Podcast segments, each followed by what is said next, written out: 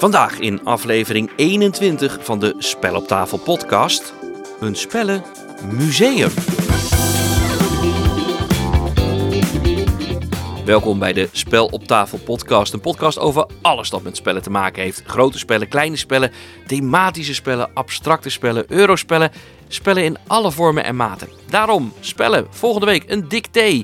Oefenopgave vind je op teletextpagina 889. Nee hoor, nee, geen dicté. Dat wil ik jullie niet aandoen. Ik ben gewoon een spellenliefhebber. Mijn naam is Dave. Spel op tafel. Bordspellen in Nederland en België. Hoe wordt Spel op tafel, de podcast, eigenlijk gemaakt? Nou, eens per week is er een aflevering. Daar stop je wat dingen in enzovoort. Nou, zonder dolle, er gaat behoorlijk wat tijd in zitten in die podcast. Uh, je hoort me niet klagen overigens hoor, maar daarover zometeen meer. Het uh, plannen van de onderwerpen gaat al uh, echt heel ruim vooruit. Achter de schermen ben ik bijvoorbeeld nu al bezig met onderwerpen voor april. Volgende week heb ik bijvoorbeeld een eerste oriënterend gesprek over een, uh, voor een reportage over. Ja, dat mag ik dus niet zeggen. Meestal heb ik één, soms zelfs al twee afspraken in de week. Dan nog wat telefonische interviews. Maar voor die afspraken stap ik uh, het liefst in de auto en ga ik bijvoorbeeld naar weet ik veel waar. En uh, mocht het toch echt te ver zijn, dan is zo'n uh, gesprek bijvoorbeeld digitaal. En de andere avonden, want ja, overdag heb ik natuurlijk ook gewoon werk, dan ben ik druk bezig met het maken van die afspraken. Verzamel ik het nieuws, schrijf ik stukjes. En in het weekend, als het dan wat rustiger is, dan hoop ik toch echt ook wat spellen zelf te spelen. En dat is leuk joh, zou je ook eens moeten doen, zo'n zo spel spelen en zo.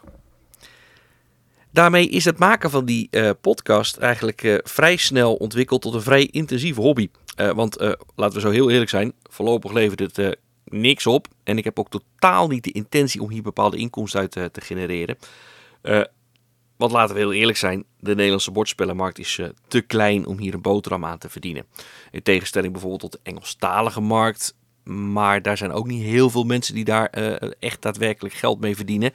En ik heb er helemaal geen behoefte aan om dit allemaal in het Engels te doen, omdat je dan namelijk een deel van het publiek uitsluit. Kijk, uh, jij, ja, jij, ja, uh, hebt totaal geen moeite om dit eventueel in het Engels te volgen, maar een andere luisteraar misschien wel.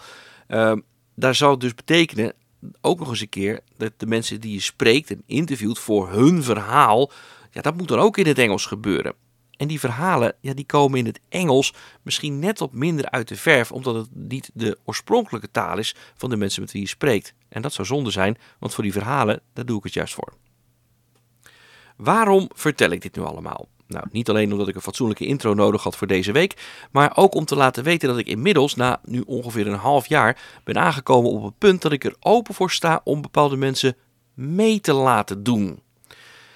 Kijk, uh, Sommige andere mensen doen het eh, ook alleen. Kijk bijvoorbeeld naar eh, de website uh, Spellenwijs. Absoluut het volgen waard. Ehm, Lotte speelt, die, maakt foto's van verschillende spellen. Ook erg boeiend. En denk aan bordspeler.nl. Maar ja, Erwin Broens is zo ervaren dat hij niet eens hulp nodig heeft. Die mensen doen het ook alleen. Maar er zijn ook andere. Denk aan Bordspelmania. Daar zit een compleet team achter. Bordspelwereld heeft ongeveer 7 miljoen recensenten. Ja, misschien iets minder dan dat maar daar ben ik niet helemaal zeker over. Mocht je nou zelf wel eens willen uitproberen om wat stukjes te tikken over spellen bijvoorbeeld, dat kan. Mail naar redactie@spel of tafel of niet natuurlijk, wat jij wilt. Welkom bij aflevering 21 van de Spel op tafel podcast. Vandaag is er het begin van een nieuwe serie, De Grote Sprong. Want overal in Nederland en Vlaanderen worden dingen ondernomen op bordspellengebied. Vaak suddert dat bij mensen eerst een beetje aan de oppervlakte. En dan is er opeens daar het moment van, ja, ik ga het doen. Dan beginnen ze met die lang gekoesterde uh, wens om een spellenwinkel te openen, ontwerpen ze hun eerste spel of organiseren ze hun eigen spellenbeurs. Waar lopen die mensen tegenaan? Wat was het idee erachter? En voldoet het aan de verwachtingen? Verder dan natuurlijk nog wat uh, reviews van oudere spellen onder het motto oude meuk is ook leuk. De traagste top 50 aller tijden en natuurlijk het spellennieuws. En daar beginnen we mee. Spellennieuws. Het laatste nieuws over bordspellen. Nederland krijgt dit jaar een spellenmuseum met de naam Spellenwereld Assen. Het initiatief komt van de Groningse ondernemer Hillebrand Brandsma, die jaren aan het idee heeft gewerkt. Uh, nou ja, zoals gezegd, er is een uh, spellenwinkel waar uh, bezoekers kunnen komen voor, een, voor gewoon een spel te kopen. Maar ze kunnen ook het spellenmuseum in en dan betalen ze dus een kaartje. En dan uh, kunnen ze het spellencafé in, ze kunnen uh, museum in, ze kunnen allerlei spellen spelen, uh, tv-spelprogramma's bekijken, spellen maken, raadsels, puzzels, quizzen, oud-Hollandse spellen. Dus eigenlijk gewoon heel veel op het gebied van spellen wat ze, waar, ja, waar je eigenlijk een middag mee kunt, ja, kunt vermaken. In april moet het Spellencafé en de Spellenwinkel opengaan. Het museum volgt wat later. Brandsma hoopt op 20.000 bezoekers in het eerste jaar. Meer over dat nieuwe Spellenwereld Assen later in deze uitzending in De Grote Sprong. Want dit is het eerste onderwerp in deze serie. Uitgeverij Stonemeyer Games heeft 100.000 exemplaren laten drukken van het nieuwe spel Wormspan, de standalone variant van Wingspan. Ja, Wormspan moet dit jaar eigenlijk een beetje de grote spellenhit van het voorjaar worden. 100.000 exemplaren dus, dat zijn getallen waar de meeste uitgevers, hoe groot ze ook mogen zijn, van beginnen te watertanden. Vorige week begon de verkoop van Wormspan online. In de eerste 24 uur werden er 16.000 exemplaren verkocht. En volgens Stonemeyer Games was ook dat een record. Het is inmiddels wel zo dat door de problemen in de Rode Zee de spellen die naar Europa moeten komen vertraagd zijn, laat Stonemeyer Games weten, omdat schepen met containers dus voortaan om Afrika heen varen in plaats van door het Suezkanaal. Maar daar zullen waarschijnlijk meer spellen last van krijgen. Nine Games komt met het kaartspel Schrödingers katten. Formuleer stellingen en overbiedt elkaar daarbij. Nou, het spel verwijst naar de uitspraak van de bekende natuurkundige Schrödinger. Ja, die beweerde dat een kat in een doos zowel dood als levend is, omdat je domweg niet weet wat de uitkomst is, totdat je daadwerkelijk in de doos kijkt. Nou, spelers krijgen kaarten met een dode, een levende kat of een lege doos of soms nog wat anders. En vervolgens bluff je of je weet hoeveel katten iedereen samen heeft. Als blijkt dat iemand zijn hand heeft overspeeld, ligt hij of zij uit het spel. Binnenkort verkrijgbaar bij 99 Games Schrödingers Katten. En afgelopen dinsdag is de bordspellencruise All Games on Deck vertrokken vanuit Rotterdam. Eerste haven was Zeebrugge. Uh, het laatste nieuws is dat nog niemand overboord is geslagen en dat is goed nieuws. Het beurseizoen in het voorjaar is losgebarsten. Dit weekend is Spellopolis in Sint-Niklaas en volgende week is op de grens van Nederland en Vlaanderen Spelfair. In Sint-Lenaarts tussen Breda en Antwerpen worden twee dagen lang tal van spellen gespeeld. Seb van Aal, goedendag. Goedenavond. Wat is er allemaal te doen op Spelfair? Spelfair is een, uh, een spellenbeurs. Uh, relatief ja, klein, zal ik het nu uh, zo verwoorden. Het is kleiner dan de, de standaardbeurs, zal ik zeggen. Uh, het is twee dagen spelletjesbeurs, tal van uitgeverijen, heel veel designers ook. Um, daar denk ik dat we ons ook een beetje onderscheiden, dat er heel veel designers komen. En we hebben ook een, uh, een bordspellenquiz op zaterdag, die momenteel helemaal uitverkocht is wel. Um, die gepresenteerd wordt door Nox Spellenzolder. Die hebben jullie weten te strikken. Die hebben we, ja, ik ben, ik ben al fan van, van vroeger. Heb, uh, ik speel ondertussen al een hele tijd spelletjes en die is eigenlijk, zolang als ik spelletjes speel, er al geweest in mijn herinnering. Dus uh, nee, dan gewoon naar uh, gestuurd en gebeld en gezegd van, dat is het idee. Ja, en wat moet ik me daarbij voorstellen bij zo'n quiz? Ja, het is gewoon een, een quiz die over bordspellen gaat. heel simpel gezegd. Nee, um, ja, gewoon vragen over bordspellen. heel kleine paar vraagjes over designers, maar vooral over welke spellen vraagjes over spellen. We hebben een ronde bijvoorbeeld Board Game Geek Top 100. Dat zijn dan vragen over ja, die spellen gewoon. Uh, meestal is het gewoon het spel raden, basically, ja. En uh, uiteraard, want het gaat om een spel, vette prijzen neem ik aan. Uiteraard zijn er prijzen te winnen. De eerste drie um, ploegen die winnen, mogen allemaal per persoon een spel kiezen. Dus dat zijn toch twaalf spellen zeker, die alleen met de quiz daar al weggaan. Ja, hoeveel mensen komen er eigenlijk normaal gesproken? Nu, vorig jaar hadden we, ik denk, een 150 man per dag. Um, en dat gaat deze jaar wel, um, ik denk tegen de 200 hopelijk wel zijn. Want we hebben nu ook een, uh, een, nieuwe, een nieuwe hal, alleen een nieuw um, ja, zaaltje aan de grote zaal. Waar dan de bibliotheek komt. Dus we hebben een grote spellenbibliotheek die vorig jaar gewoon in de grote ja, mainzaal was. De grootste zaal is nu gewoon alleen uitgevers en designers. En dan in de zaal waar dan ook de quiz is, is ook de bibliotheek. En er komt uh, ja, rond de 200 hoop ik uh, deze jaar te halen. Hoeveelste keer is het dat deze uh, beurs wordt gehouden? Dat is de tweede keer. We hebben het in 2022 op het einde gedaan. En dan rond praktische redenen hebben we het in 2023 niet kunnen doen. Maar nu is het dan terug in het begin van het jaar. Hoe is dat bevallen om dan zoiets plotseling op te gaan zetten? Ja, dat is wel, um, wel fijn gegaan of zo. Want mijn vriendin heeft ook de, de webshop Spelfair. En we hebben ooit eigenlijk ja, eigenlijk een pop-up shop gemaakt, omdat we alleen een webshop hebben. Pop-up gewoon spellen verkopen op, ja, bij ons thuis eigenlijk. Um, en daar kwam wel wat volk op af. En alleen was zo van, ja, we kunnen niet, niet spelen hier. En dan dachten we, dan gaan we een zaal zoeken. Dan doen we eigenlijk hetzelfde, maar we zorgen dat er uitgevers komen. En we bouwen dat kleins op. En het is een beetje een uitgelopen hobby geworden, want we hadden goede reacties. Er komt veel volk terug. Ook de bordspelquiz, daar onderscheiden we ons ook een beetje in, denk ik. Die uh, vinden veel mensen ook leuk. Dus uh, ja. Gaat er veel tijd in zitten in dat organiseren? Um, ja, toch wel. We zijn er al wel lang mee bezig. Het is ook omdat we het vooral zelf doen. Dus we, zijn, we hebben wel een aantal vrijwilligers en, en hulp, uiteraard. Maar eigenlijk zijn we maar met, met twee. En dan vooral ik die uh, het grootste van de organisatie op zich neemt. Dus ja, dan steekt er wel wat tijd in natuurlijk. Nog één keer, de tijd en plaats. Waar is het en wanneer? Dus is 17 en 18 februari in Sint-Leenaerts uh, bij Brecht voor met auto's gratis parking. Uh, dus, dus het is heel goed bereikbaar wel.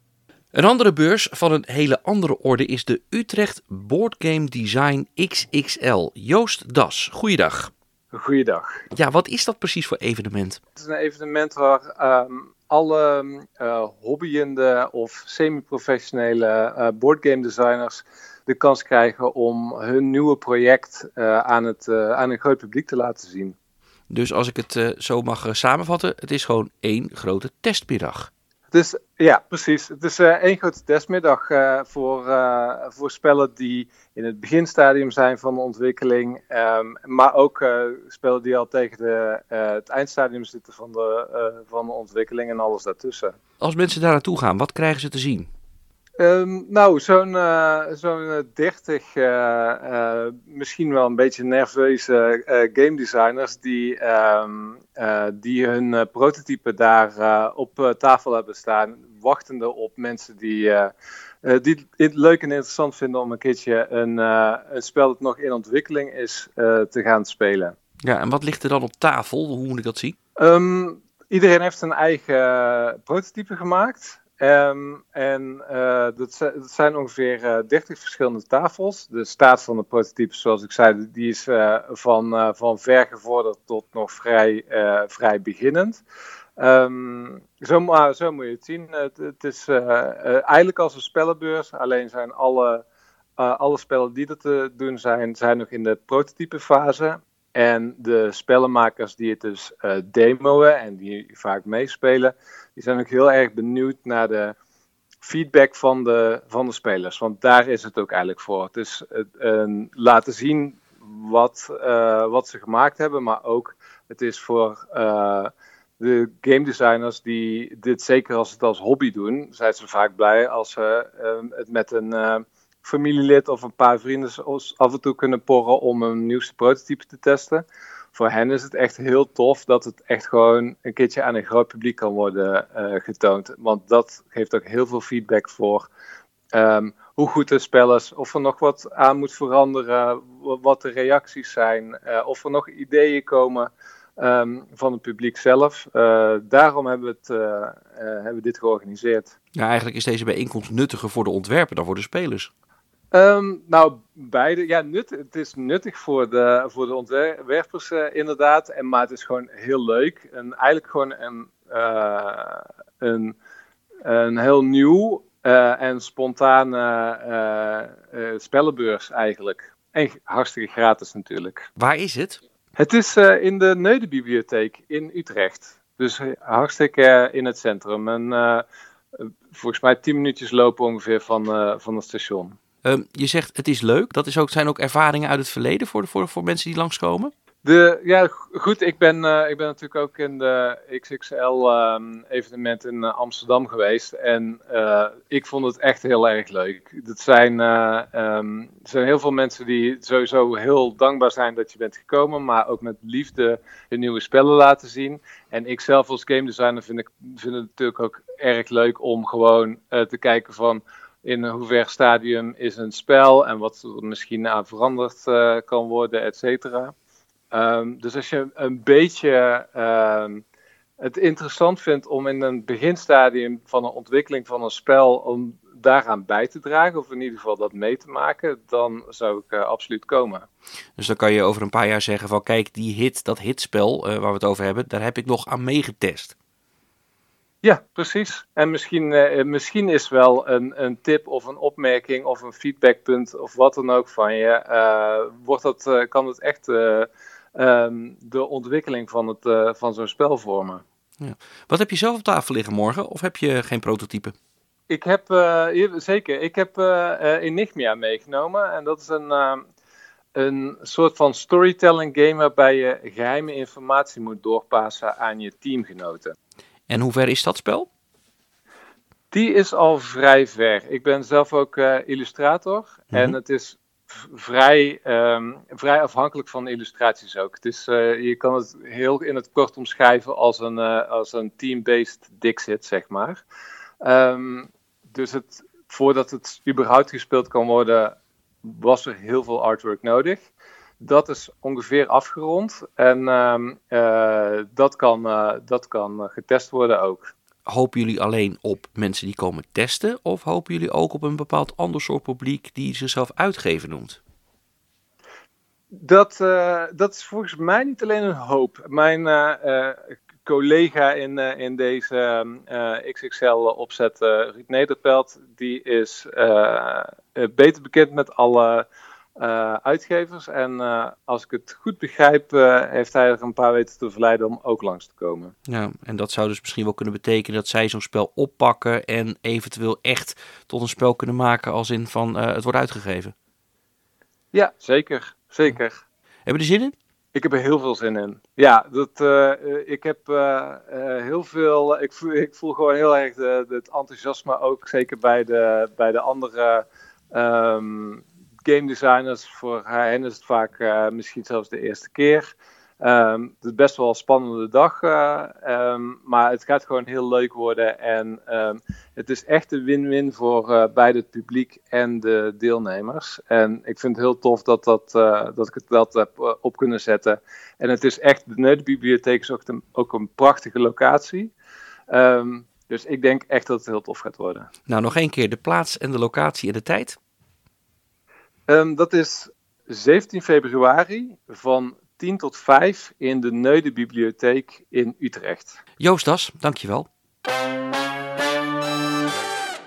Dit spel zou je eigenlijk eens moeten spelen. Even geen nieuwe spellen in de review deze week, maar oude meuk is ook echt leuk. En daarom nu Orléans in het Nederlands uitgegeven door 99 Games. Het spel is ontworpen door Reiner Stockhausen, is voor 2 tot 4 spelers, duurt anderhalf uur en is voor 12 jaar en ouder. Orléans is een zogeheten bag-building game. Een zakbouwspel. Nou, dat klinkt nergens naar. Ja, misschien moet je sommige termen maar gewoon alleen maar in het Engels houden.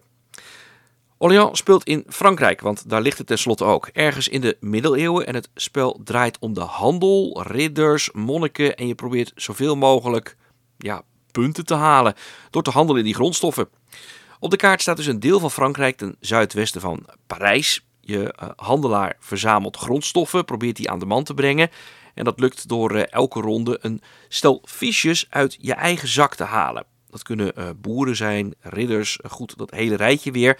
En die kan je op je eigen bord aan het werk zetten. Als je een bepaalde combinatie af hebt, krijg je er weer zo'n bewoner, zo'n fiche bij. En ga je tevens vooruit op een spoor.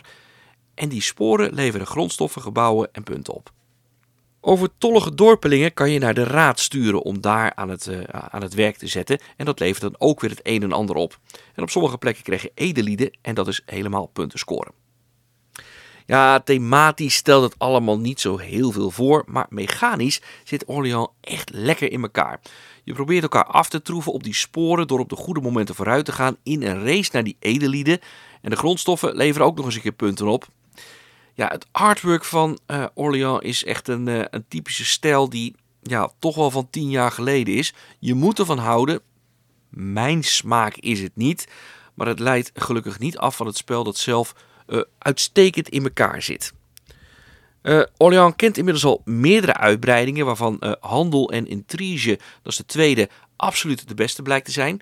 Uh, inmiddels durf ik toch wel te zeggen dat het spel uit 2014, 10 jaar oud dus al, een moderne klassieker genoemd mag worden. Ook al heeft die titel soms wat een omstreden lading, want wat is nou een klassieker voor iets dat 10 jaar oud is? Ik vind het kunnen, dat is Orléans van onder meer 99 Games. In de tweede terugblik onder het mom Oude Meuk is ook leuk een bespreking van het spel Draftosaurus.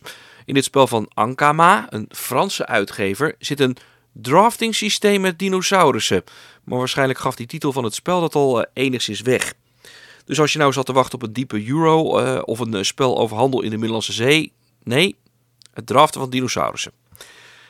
In Draftosaurus, gemaakt door Antoine Bauza en nog drie anderen die een Frans klinkende achternaam hebben. Ja, dat is een spel voor 2 tot 5 spelers, duurt een kwartier en is voor 8 jaar en ouder. In het spel heb je een soort dino-dierentuin voor je neus op je bordje.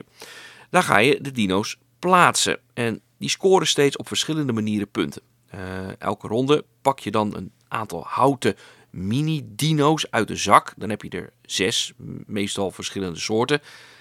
En één keer per, uh, per beurt gooit iemand een dobbelsteen en die bepaalt dan waar de anderen, zij niet, dan wel of geen dino's mogen neerzetten. Want er zijn uh, verschillende hokken op het bord, zes verschillende hokken, en die scoren allemaal op een verschillende manier. Uh, in het bos van gelijkheid mogen alleen dino's van dezelfde soort staan. In de weide van verschil mogen alleen, juist ja. In de prairie van liefde krijg je dan weer punten voor als je setjes van twee weet te maken. En op het solitair eiland mag er maar eentje staan. En er is ook nog de T-Rex en die levert extra punten op. Nou, elke ronde bij Draftosaurus kies je één dino en die plaats je dan in een van die hokken. De rest van de dino's geef je dan door aan je buurman. En je krijgt dan natuurlijk ook weer een, een, een hoeveelheid uh, dinosaurussen.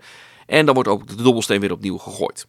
Als alle zes de dino's geplaatst zijn op het bord, dan trek je er weer zes nieuwe uit de zak. En op die manier heb je aan het einde van het spel twee keer zes dino's, dus 12 dino's in je park. Het gaat er bij Draftosaurus dus vooral om hoe je de dino's plaatst in het park. Iedereen heeft er evenveel, uh, maar het gaat er dan net om van wie zet ze net even wat slimmer neer, waardoor ze meer punten binnenhalen. Als je uh, heel erg veel van dezelfde soort hebt uh, in de weide van gelijkheid of zoiets, nou dan lopen die punten heel erg snel op. Maar dat zien de anderen dus ook. Maar als je probeert op alle vlakken een beetje te scoren, kom je weer nauwelijks vooruit.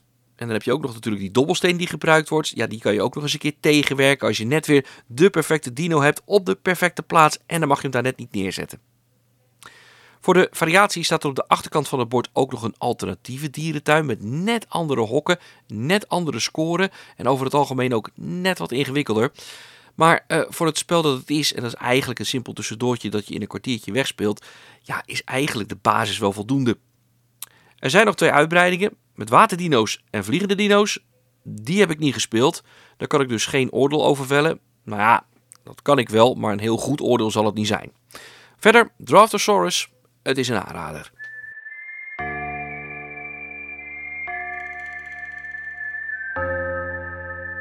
Mensen kunnen heel creatief zijn. Van alles verzinnen. Maar op een gegeven moment moet het toch gebeuren. Dan moet je die stap vooruit zetten. Want anders gebeurt er uiteindelijk helemaal niets. Elk groot project begint met een eerste stap.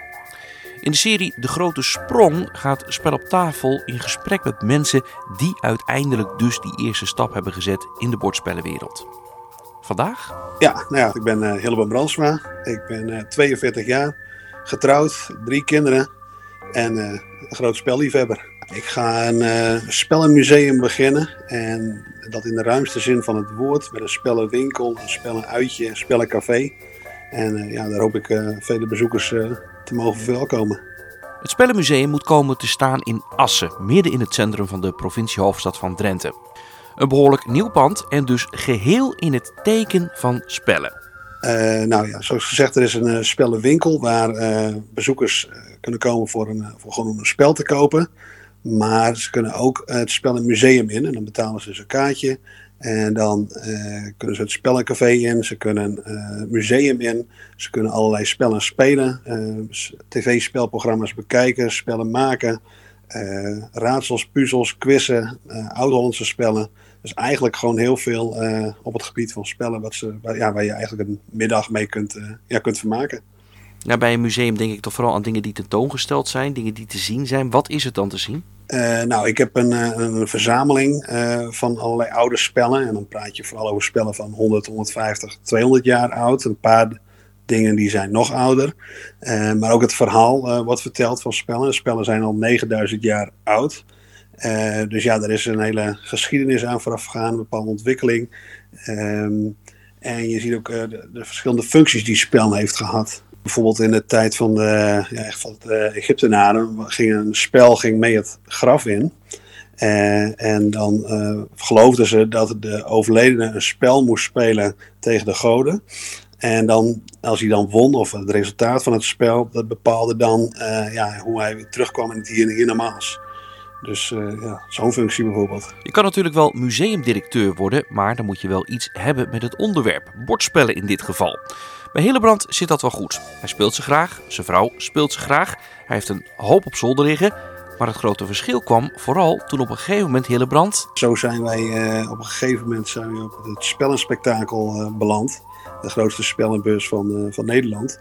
En ja, daar ging een wereld voor ons open. En wij hebben de hele dag allerlei nieuwe spellen, voor ons dan nieuwe spellen, gespeeld. Met onbekende mensen uit alle windhoeken van Nederland. En het was elke keer weer heel leuk. Je merkt gewoon dat die drempel heel laag is om, uh, om contact met elkaar te maken. Omdat het spel ja, tussen je in ligt.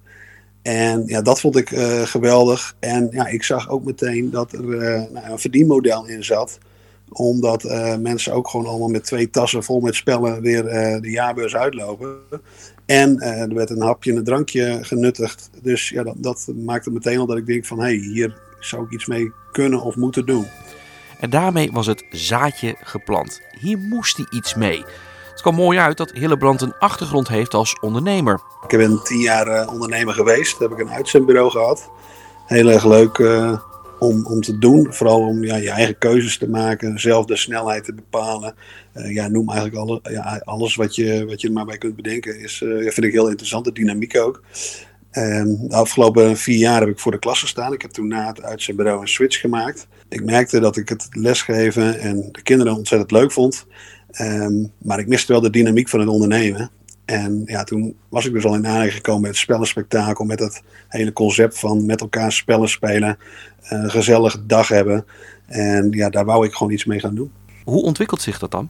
Nou, eerst heel uh, niet, want uh, ik was net uh, geswitcht naar het onderwijs. Dus ik was net een nieuwe stap had ik net gemaakt. Maar ja, daar merkte ik toch al na een paar jaar van, ja, hier ga ik niet mijn pensioen mee halen. En ja, dan ga je nadenken van, ja, wat dan? En ja, dan komt dat zaadje een beetje tot, tot leven. En ook in het onderwijs zag ik dat, dat daar uh, kan nog veel meer gedaan worden met spellen dan wat denk ik tot nu toe gedaan wordt. En dat heeft te maken met, met kinderen die leren op bepaalde manieren. En sommigen leren heel makkelijk uit een boek, maar andere kinderen juist niet. En juist voor die kinderen kan een spel juist uh, heel goed zijn om toch uh, dezelfde doelen te behalen op school. Oké, spellen zijn leuk, populair, je kan er iets mee verdienen. Maar op welke manier dan? Dat was de grote vraag. Ik ben gewoon eens gaan zitten en echt, uh, nou, zoals het ook de studie geleerd wordt, een woord in het midden. De woordspin, lijntjes eraan van wat kan ik nou aan spel ophangen. Want ik wou iets doen wat, uh, nou, wat eigenlijk niet echt bestond. Ik had er wel gezien dat spellenwinkels uh, goed bezocht worden in, in de grote steden. En ook nou met horeca en alles erbij. En ja, ik ben gewoon al die dingen gaan opschrijven. En toen, toen ben ik gewoon gaan denken van ja, hoe, hoe moet ik dit in een, wat voor vorm moet ik dit gieten? En ja, toen kwam ik opeens op het museum. Want ik denk van ja, daar, wij gaan wel eens regelmatig met de kinderen naar het museum. en dat vinden we erg leuk. Vinden kinderen ook erg leuk. Ik denk van nou, als ik het in die vorm kan uh, doen, ja, dan is het eigenlijk een, ja, een uitje. Maar ja, het is ook weer niet helemaal museum, museum. Want ja, er is ook veel meer te doen dan, dan alleen tentoonstellingen. dan ligt daar dat plan. Ik wil een museum beginnen. Hoe is dat thuis ontvangen? Nou, uh, op zich positief, want uh, mijn vrouw weet ook uh, hoe ik in elkaar steek. En nou ja, ze wist ook wel dat in, mijn, ja, in mijn baan in het onderwijs dat ik dat wel oké vond. Maar ze voelde wel aankomen dat dat niet, niet tientallen jaren nog ging duren. Dus ja, nee, verder prima. En zij zei zelf ook enthousiast van, van spellen spelen. Ze is, heeft zelf een spellengroepje opgericht. Dus ehm, ja, zoals ze juichte toe. Ja.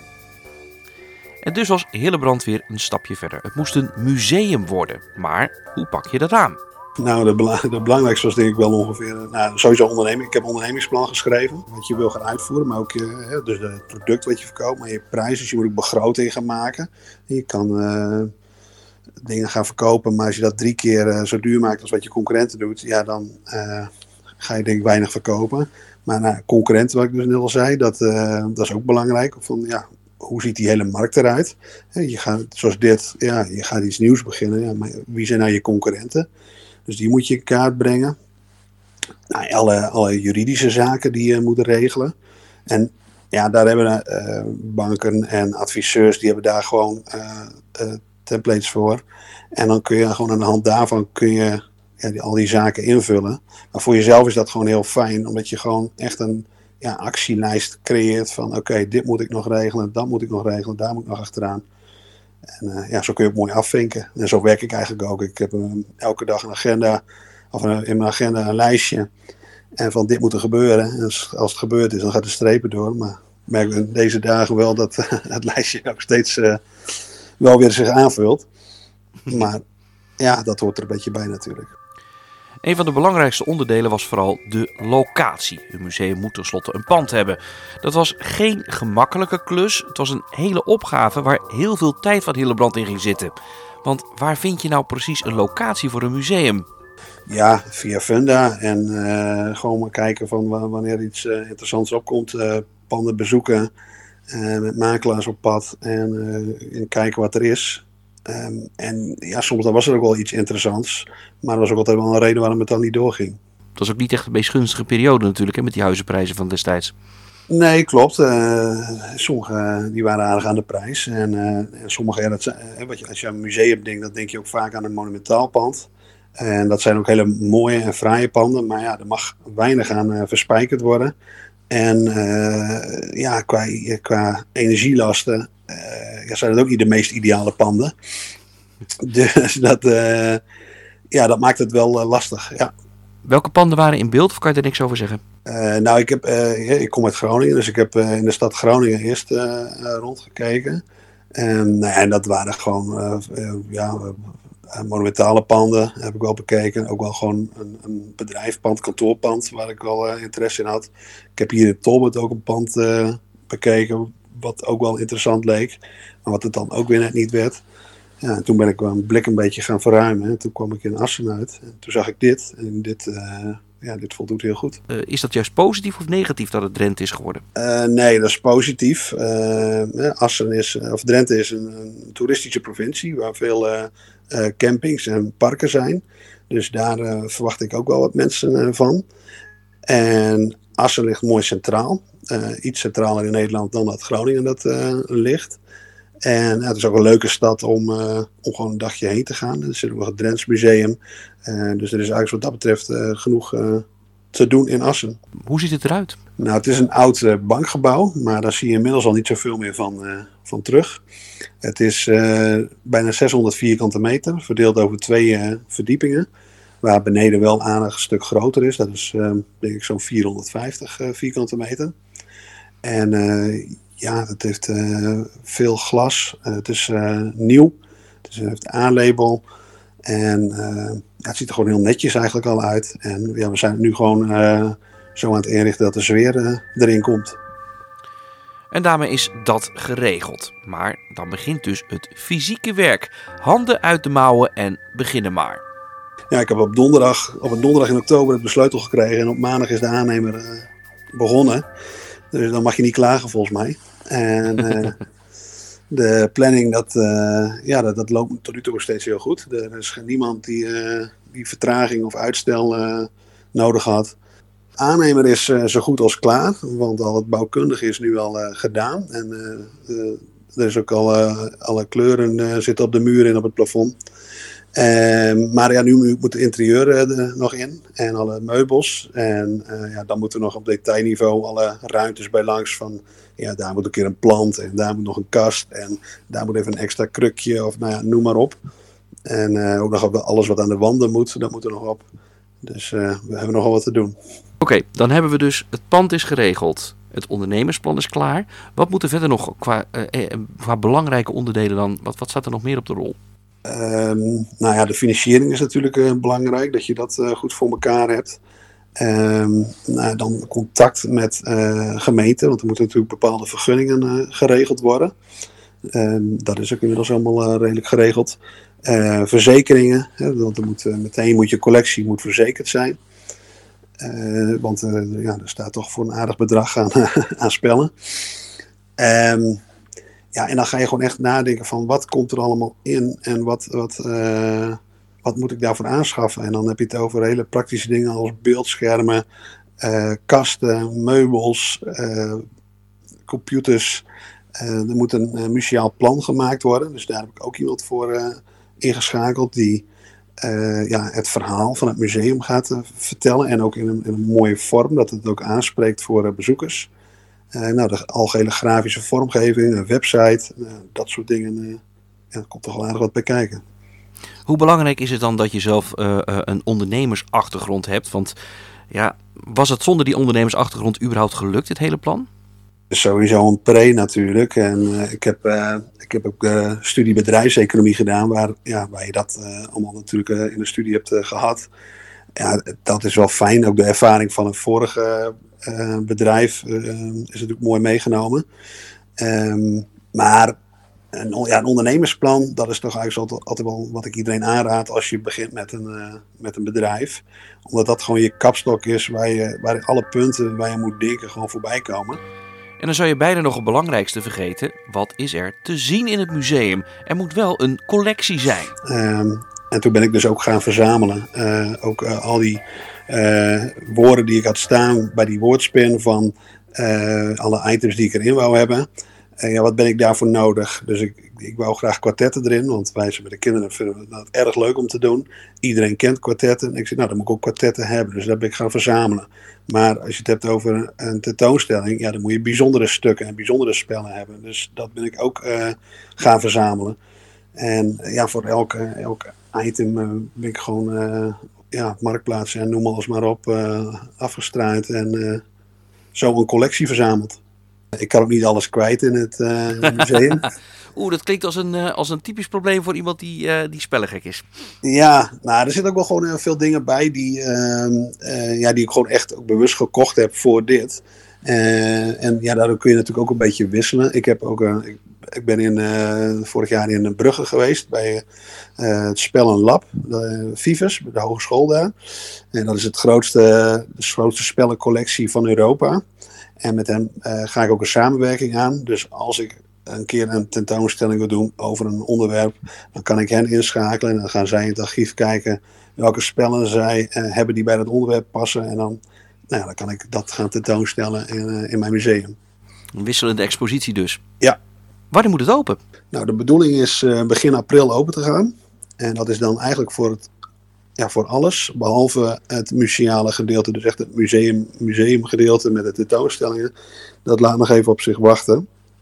En dat heeft alles te maken met uh, dat ik daar nog in afwachting ben van een aantal fondsen die ik heb aangeschreven voor de financiering van het uh, geheel. De winkel gaat dus wel open en het spellencafé gaat al open? Ja. ja. Ga je zelf ook achter de kassa staan of niet? Ja. Ja. Hebben die zin in? Ja, zeker. Ja. ja, ik moet zeggen dat dit ook een hele leuke periode is. Omdat je nu uh, ja, overal aan de knoppen zit en alle puzzelstukjes moet leggen. Uh, dat is ook heel erg leuk. Maar het is ook gewoon heel erg leuk om straks de eerste bezoekers te verwelkomen. En ze hopelijk uh, met een grote glimlach op het gezicht weer huiswaarts te zien keren. En dat is natuurlijk ook wel de, de enorme voldoening waar ik wel naar uitkijk. Ja. Nog een paar maanden en dan moet het Spellenmuseum in Assen dus opengaan.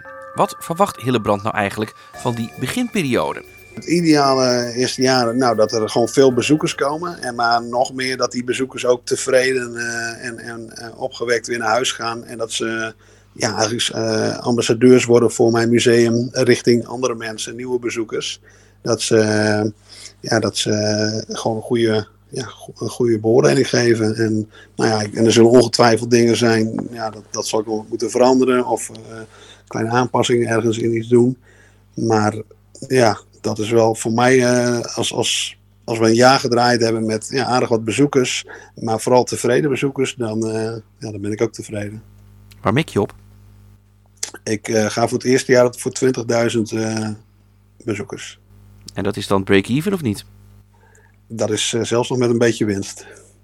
ik denk dat er ook wel zoveel te zien en te doen is dat het wel haalbaar moet zijn. Ik heb ook dat aantal is ook niet zomaar uit de lucht gegrepen. Dat is ook een beetje vergelijkbaar met middelgrote musea in, in de buurt, wat die jaarlijks binnenhalen. Dus ja, dat, ik denk dat het wel realistisch is. Heb je al enigszins gekeken van nou, hoe, hoe je het over vijf jaar wilt hebben dat het eruit ziet? Nou, om eerlijk te zijn, nog niet echt. Ehm, maar ja, kijk, qua, qua ruimte kunnen we niet veel groeien. Hè? Daar, dat wordt lastig. Dus um, ja, hoogstens dat je nog in, in je aanbod, uh, dat je daar nog wat meer mee uh, gaat doen. Maar daar ben ik nog niet zo mee bezig geweest. Ik wil gewoon eerst het, het aan de rol hebben. En daarna dan ja, maken we weer een plan voor daarna. Zegt Hillebrand Brandsma, directeur van het binnenkort te openen Spellenmuseum in Assen. Meer informatie over dat museum vind je op de website spellenwereldassen.nl. Een link daarnaar staat ook in de show notes.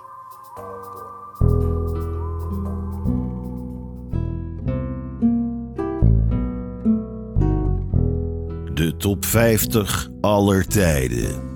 Meestal flitsend, maar niet bij spel op tafel. In één jaar aftellen naar één. Ja, ik ben wel blij dat er geen flitspalen staan langs deze spellensnelweg, want oh, we zijn op stoom gekomen en oh, wat gaan we hard, wat de titel ook doet vermoeden. We zijn inmiddels al beland bij nummer 47, bij de Spel op tafel top 50 aller tijden. Dit is de traagste top 50 aller tijden. Met nu... Nummer 47, Pursuit of Happiness. Laten we eens beginnen met het uitleggen van een term. Je hebt sommige spellen en die worden een sandbox game genoemd. Een zandbakspel. Als je daar niks bij voor kan stellen, op zich logisch, maar dat is een spel met min of meer je kan alles doen wat je wil, ga je gang, leef je uit. En hoewel Pursuit of Happiness eigenlijk niet helemaal in het plaatje past, vind ik dat het er wel bij past.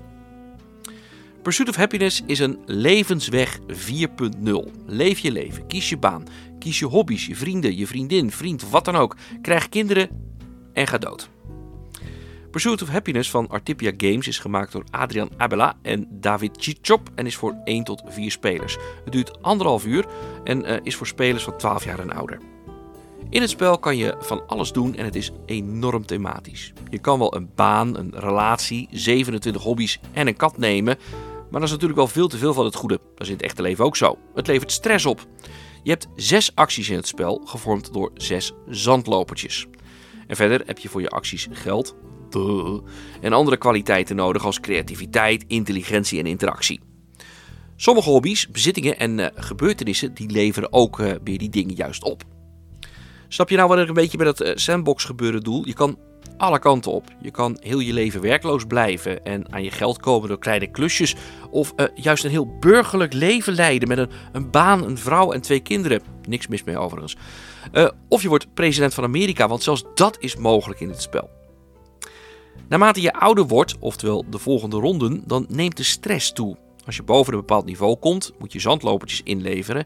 En als je stresslevel nog verder stijgt, dan komt er een einde aan je leven. En dat gaat aan het einde heel hard. Het geeft overigens wel een bijzondere manier weer van, van hoe je leven er eigenlijk uitziet.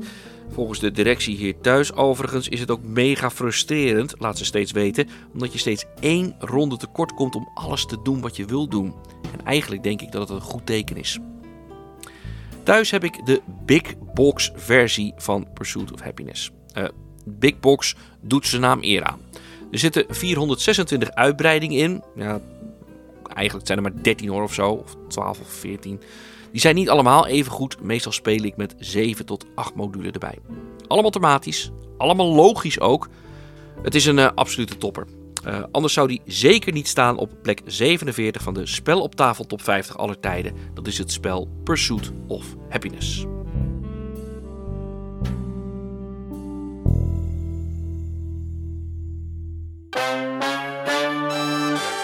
En toen was er alweer een einde gekomen aan de Spel op tafel podcast nummer 21. Zoek je nou meer informatie over spellen in alle vormen en maten uh, of wil je juist een deel van de interviews teruglezen? Dat kan op speloptafel.nl. Vind je dit nou een leuke podcast? Stuur dan een mail naar. Oh nee, oh wacht even.